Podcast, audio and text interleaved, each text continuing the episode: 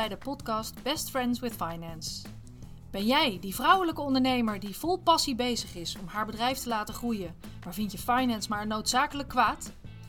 Wij, Antonia Eilander en Monique Bush, gaan je op een luchtige manier meenemen in financiële zaken, zodat finance voor je gaat werken in plaats van dat het je tegenhoudt in de groei van je bedrijf. Kortom, zodat finance ook jouw best friend wordt.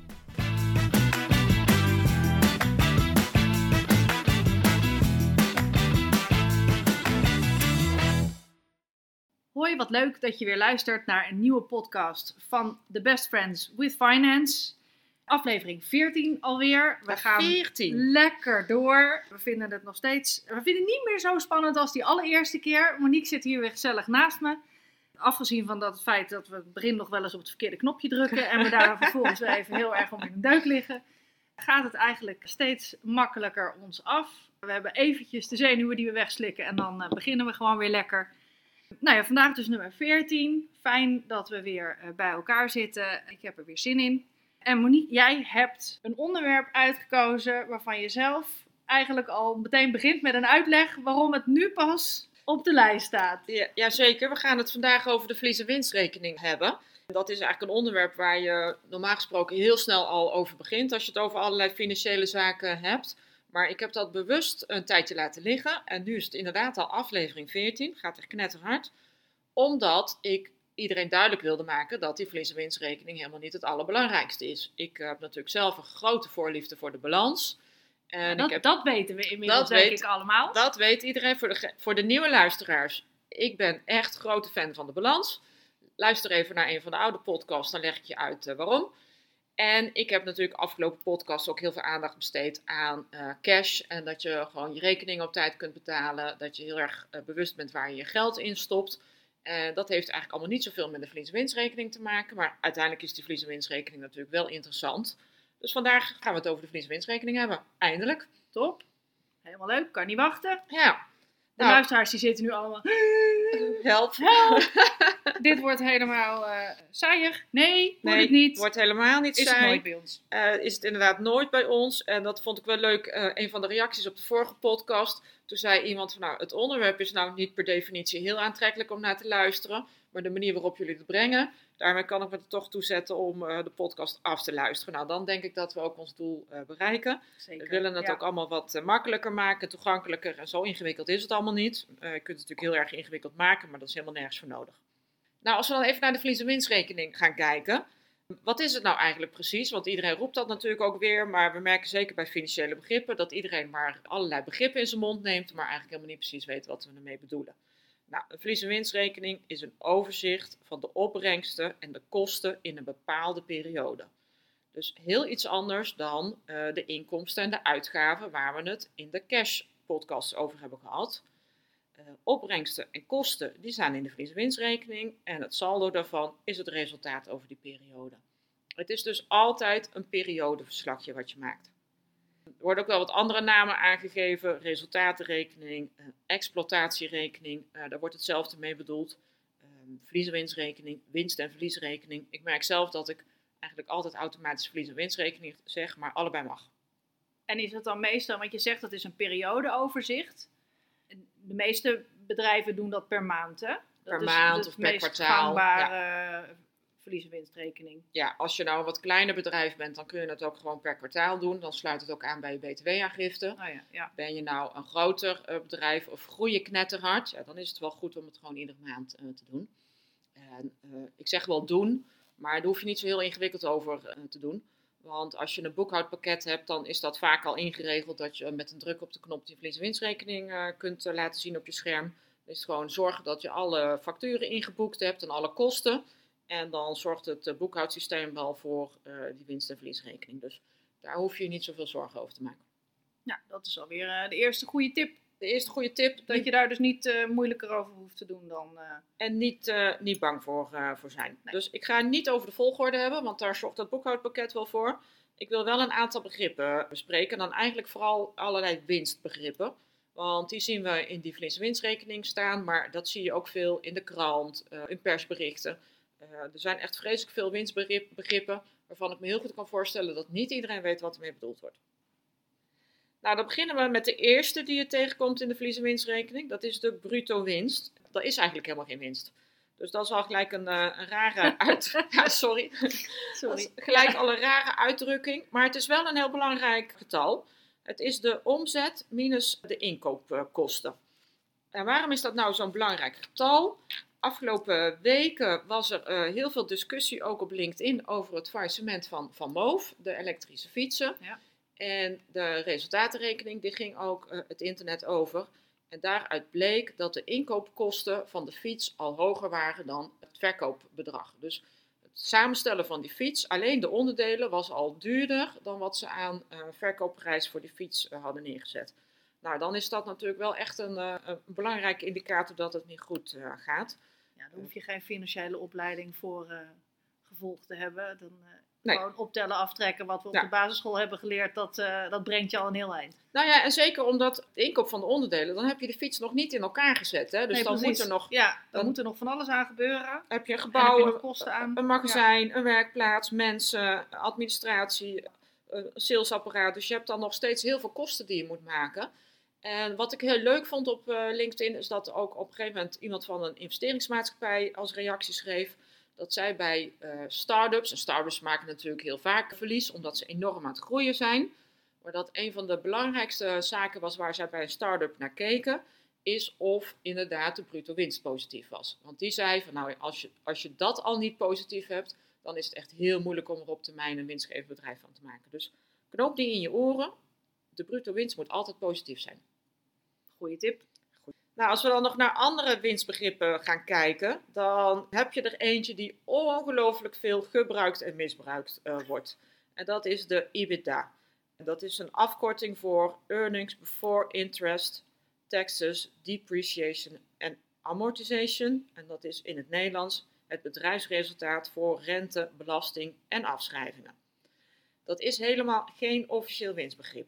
Je hebt er eigenlijk ook helemaal niks aan als ondernemer. Ik zou echt niet weten waarom je als ondernemer je EBITDA zou, eh, zou willen weten. Ja, dat hoor ik je nu zeggen. En ik snap dat voor het gros van de ondernemers inderdaad ook helemaal niks, een niet-zeggend begrip is. Omdat het uiteindelijk gaat wat er aan de onder, onderaan de streep natuurlijk overblijft. Maar als je nou kijkt naar bijvoorbeeld private equity Ja, eh, ja. bedrijven. Hè? Ik, ik heb natuurlijk veel opdrachten gedaan voor, voor bedrijven die eigendom waren van private equity eh, firma's. Dus grote investeringsmaatschappijen. Die kijken altijd wel heel erg naar EBITDA. Ja. En gebruiken dat natuurlijk ook in hun multipliers als ze kopen of verkopen. Hè? Zij zien dat echt als een soort kengetal van zo Ja, ja winstgevend is een, is een bedrijf. Dus alleen in die hoek denk ik dat het wel echt veel. En, en je merkt dan ook binnen dat soort bedrijven. Dus ja, hou daar zelf ook rekening Ja. mee als je een investeerder hebt die bijvoorbeeld. Als je van plan bent om te gaan cashen. Precies, als je nou helemaal als een raket gaat en je hebt iemand die geïnteresseerd is om, dat, eh, om, dat van, om daarin te gaan investeren en om dat van je te kopen. Dat ze heel in geïnteresseerd gaan zijn in die, in die EBITDA. Ja. Want ja, dat merk ik binnen, binnen bedrijven waar ik dan rondloop. Dat iedereen het daar dan ook wel over de EBITDA heeft. En dat Ja. het dan ook belangrijk gevonden wordt. Dat, klopt. Ja, inderdaad, dat is eigenlijk de enige, het enige moment waarop die belangrijk is. Als inderdaad eh, partijen naar je, eh, wi- willen gaan deelnemen in je bedrijf of willen overnemen. Private equity gebruikt het inderdaad om nou, winstgevendheid van bedrijven te vergelijken. Maar nou ja, nogmaals, als je als ondernemer gewoon echt naar de financiële gezondheid van je bedrijf wil kijken, zegt het echt helemaal niks. Wat wel wat zegt, is de EBIT. En dat is dan de Earnings Before Interest and Tax. En dat is het bedrijfsresultaat voor rente en belasting. Dat is een interessante, want dat is eigenlijk de operationele winst van je bedrijf. Dus die is wel interessant om in de gaten te houden. Ja.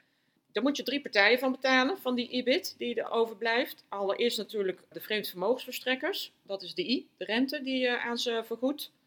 De tweede moet je de fiscus eh, moet je daarvan betalen. Eh, dat zijn de taxes, de belasting.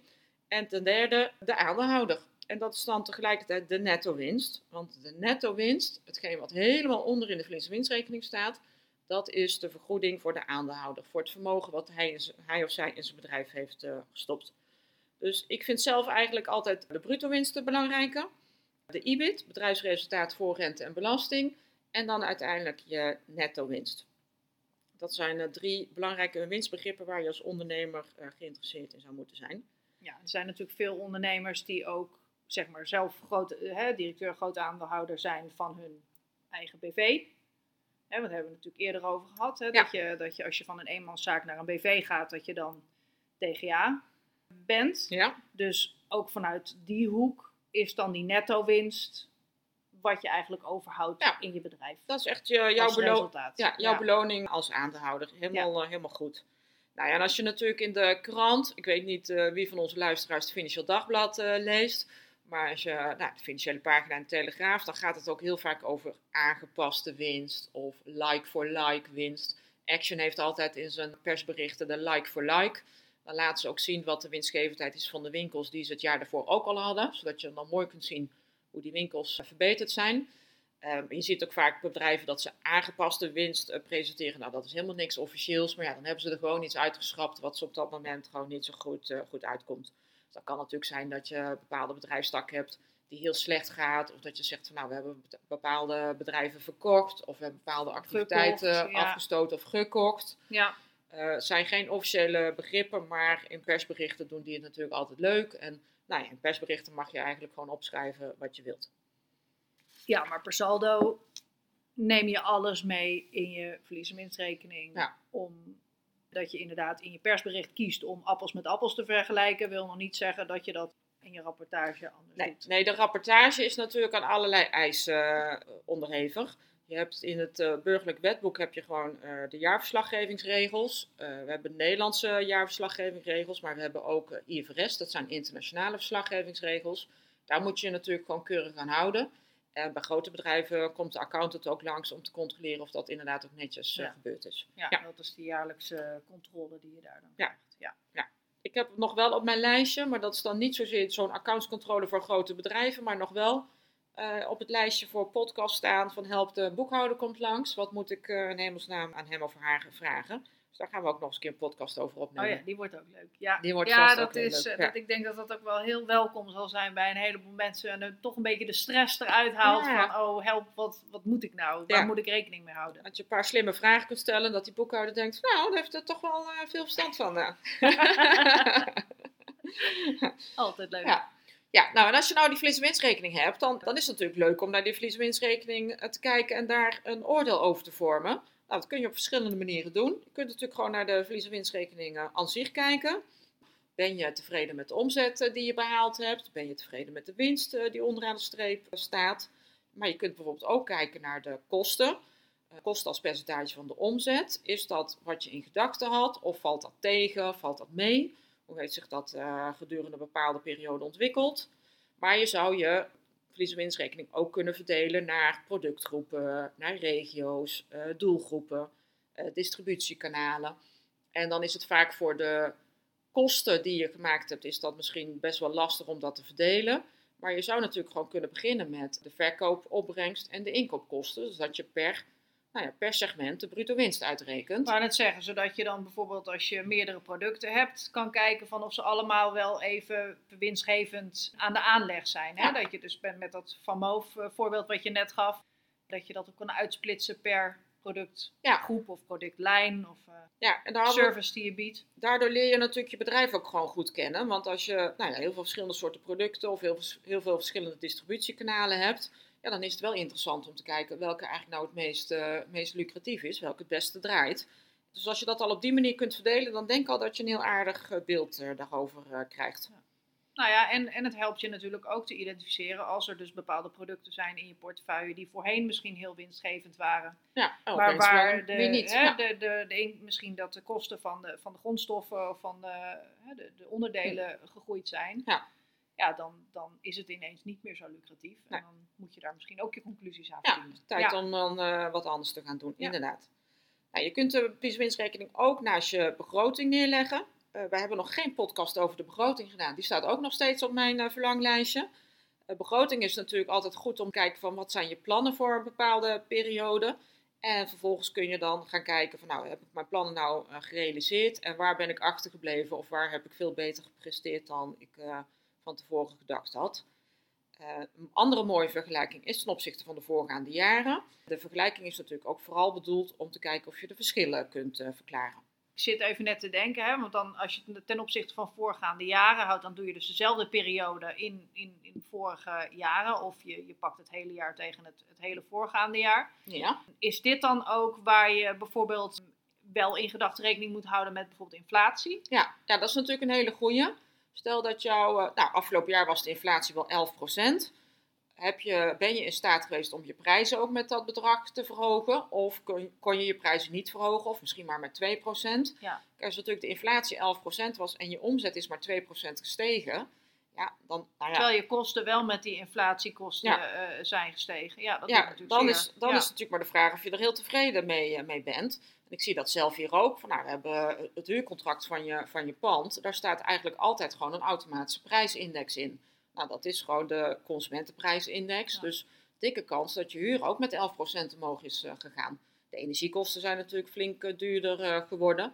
Alle materialen, alle kantoorartikelen die je gekocht hebt. Dus je kosten zijn ook echt wel flink gestegen met die inflatie. Dus ook al heb je niet een product wat nou, 1, 2, 3 aan die inflatie gekoppeld is, als je met dezelfde winst aan het einde van het jaar wil uitkomen, dan zul je toch ook moeten zorgen dat je verkoopprijs eh, stijgt. Ja. En daar, eh, ja, daar moet je dus even goed over nadenken. Want nou ja, tevreden zijn met 2% terwijl de inflatie 11% was, is misschien. eh nou, Nou ja, daar zo zeg je wel een waar, waar woord. Hè. Ik zie dat bij mezelf bijvoorbeeld. Ik, ik ben natuurlijk, doe veel consultancywerk. Dat is natuurlijk een uurtarief. Ja. De gevoelens over die uurtarieven, die zijn niet veranderd. Nee. Hè? Ik, het, is, het is best wel lastig om te zeggen, ja, ik gooi er ook 10% bovenop. Want ja, en dan krijg je toch wel hele, hele ingewikkelde discussies. Ja, ja, die snap ik. Mm, Dus ja, ik, ik zie dat zelf in mijn eigen bedrijf ook wel. Dat, ik, dat de winst in die zin terugloopt. Omdat ik niet mee kan bewegen eh, in die zin met, eh, met de markt. Ja, dat zien best wel veel bedrijven. En eh, dat is natuurlijk best wel heel erg lastig. Eh, maar wat ik net zeg, ja, je moet daar wel echt dat gesprek over. Je moet het sowieso eh, voor jezelf duidelijk hebben. Je moet er ook het gesprek over voeren. Ja. En als je in een bepaalde sector werkt waar een CEO van, van toepassing is, ja, daar zie je ook hele forse loonsverhogingen. Ja, ja maar dan, dan gaat het, hè, dan doen anderen het eigenlijk Ja. voor je. Ja. En het is als ondernemer natuurlijk wel, wel de uitdaging dan om daar nou, inderdaad zelf open het gesprek over aan te gaan. Van jongens, luister, ook mijn boodschappen zijn Duurder. zijn 10% duurder geworden. Ja, Ja. moet uit de lengte of uit Ja. de breedte. Ja, dus houd die goed in, eh, goed in Ja, gedachten. Dat is Ja. een goede, goede tip. Ja. Nou, wat ook altijd leuk is om een vergelijking te maken met, met, met branchegenoten, branchegegevens of met andere bedrijven die je uit eh, de regio kent. Die beoordeling moet je natuurlijk wel heel goed doen. Je moet goed letten op verschillen die er eh, zijn. Dat kan een verschil zijn in een rechtsvorm. Als we nou weer even terugdenken aan de podcast van BV of eenmanszaak. Dan eh, gaf ik aan dat bij een BV ben je als eh, directeur groot aandeelhouder verplicht om een salaris toe te kennen. Bij een eenmanszaak haal je je salaris eigenlijk uit de winst die aan onderaan de streep overblijft. Dus daar zit dan al meteen een verschil in qua kosten. Dus die moet je even goed in gedachten houden. Eh, maar je moet bijvoorbeeld ook kijken naar financiering. Als je een bedrijf hebt waar heel veel vreemd vermogen in zit, waar dus heel veel rentekosten in zitten, ja, dan is de netto winst is lager dan wanneer een aandeelhouder alles zelf gefinancierd heeft. Want die krijgt geen rente, die moet eh, de vergoeding halen uit de netto winst. Dus daar moet je even goed in gedachten houden. En een ander, ja, er zijn natuurlijk heel veel verschillen, maar een andere die ook altijd best wel een grote rol speelt, is het pand waar een bedrijf in gevestigd eh, is. Is dat een pand wat gehuurd wordt of is dat een pand wat gekocht wordt? Want ja, bij een huurpand heb je natuurlijk de huurkosten en bij een kooppand heb je eh, afschrijving en eh, misschien wel rentelasten. Dus dat zijn eigenlijk drie belangrijke dingen waar je bij eh, het vergelijken van verschillen goed op moet letten. Maar als je dat in, in gedachten houdt, ja, dan is dat wel echt een hele leuke vergelijking om te maken. Om gewoon jezelf toch een beetje te benchmarken Ja. ten opzichte van de Hoe ander. doe ik het nou ten opzichte van mijn, ja, mijn branchegenoten? Ja, nou, en tot slot vind ik een verlies- en winstrekening altijd een leuke om gevoeligheidsanalyses te maken. Ga nou eens een keer spelen. Want wat doe je er nou inderdaad mee als je je, je, onder- je verkoopprijs niet kunt verhogen, maar als je je kosten wel ziet verhogen? Stel je verhoogt je kosten met 10%, wat gebeurt er dan onderaan met de winst? Of stel je kunt je omzet met eh 5% verhogen, wat gebeurt er dan? Op die manier kun je eigenlijk gewoon in Excel een beetje gaan spelen met die getallen. En dan zie je ook hoe gevoelig je bent voor inflatie of voor eh, als je een keer korting moet geven. En op die manier weet je ook aan de voorkant van nou, wat, eh, wat kan ik daar wel of wat kan ik daar niet mee? En dan word je aan het einde van het jaar word je daar niet mee verrast. Dus die verlies- en winstrekening, heel interessant om naar te kijken. Eh, zeker doen. Eh, zeker ook om te kijken van nou, ben ik nou tevreden met hoe het gegaan is. Maar wel even goed in gedachten houden dat daar nou, soms hele goede analyses nodig zijn om te weten wat er gebeurd is. En om te beoordelen of je nou echt heel tevreden moet zijn of dat er misschien wel volgend jaar een tandje bij mag. Ja, ja, en ik vind ook vooral dat laatste punt wat je net, wat je net zo even maakt over die gevoeligheidsanalyse, denk ik, ja, dat is natuurlijk super waardevol om die analyse te maken, omdat je op die manier eigenlijk bij, van tevoren al kan inschatten van oké, als ik dus inderdaad korting weggeef of als ik inderdaad niet die prijzen kan verhogen en ik wil wel op hetzelfde, ik wil wel op dezelfde netto winsten uitkomen, wat moet ik dan doen met mijn kosten? Ja. Dat, dat kan ook gewoon een, een indicatie zijn van oké, dat betekent dus dat we in de kosten moeten snijden. Misschien betekent dat dat je een stuk van je kantoorruimte opgeeft. Of hè, dat, je, dat je gewoon naar je uitgavenkant gaat kijken. Van ik wil wel op hetzelfde punt uitkomen. Maar ik kan niet mijn tarieven omhoog gooien. Of de prijzen omhoog gooien van mijn producten. Uh, hoe kan ik dan toch compenseren en, en onderaan de streep op hetzelfde uitkomen. Ik denk dat dat ook gewoon een heel waardevol stukje is om, om die, om die winst, uh, verlies-winstrekening voor te gebruiken. Nou ja, en ook om te bepalen, heb je dan extra omzet nodig? Ja. Want stel nou dat je nog niet zo winstgevend bent, nou, dan kun je met zo'n verlies-winstrekening mooi een beetje spelen om te kijken van, nou, wat heb je dan nodig om break-even te draaien? Of wat heb je dan nodig om winst te maken? Dus ga gewoon een beetje spelen met die getallen en dan leer je ze ook wat beter kennen en dan voelt ja. het ook wat, uh, wat vertrouwder. Nou, en als we dan die podcast gaan maken over uh, die boekhouder uh, die langskomt, nou, dan ben jij al uh, goed voorbereid. Die je rauw tegen die ja, tijd. inderdaad. Ja. Dan, heb je al, dan, dan is de boekhouder niet degene die de vraag stelt, maar dan ben jij degene die de vraag stelt. Dus zie daar gewoon de lol van in en je leert je bedrijf heel goed kennen en het levert heel veel goede informatie op. Zeker. Nou, top. Ik denk dat we weer een fantastisch stukje informatie hebben afgeleverd waar iedereen super veel aan gaat hebben. Echt ontzettend veel tips. We hebben ze niet meer allemaal herhaald aan het einde, maar ze zitten er helemaal vol mee, denk ja. ik, vandaag. Super gedaan. Leuk onderwerp ook. Uh, in eerste instantie dacht ik ook even van, oh, hoe, gaan we dat op een luchtige manier en op een prettige manier uh, brengen? Maar dat, ja, dat heb je gewoon weer fantastisch gedaan, zeg nou, ik. Dankjewel. Tot de volgende keer weer.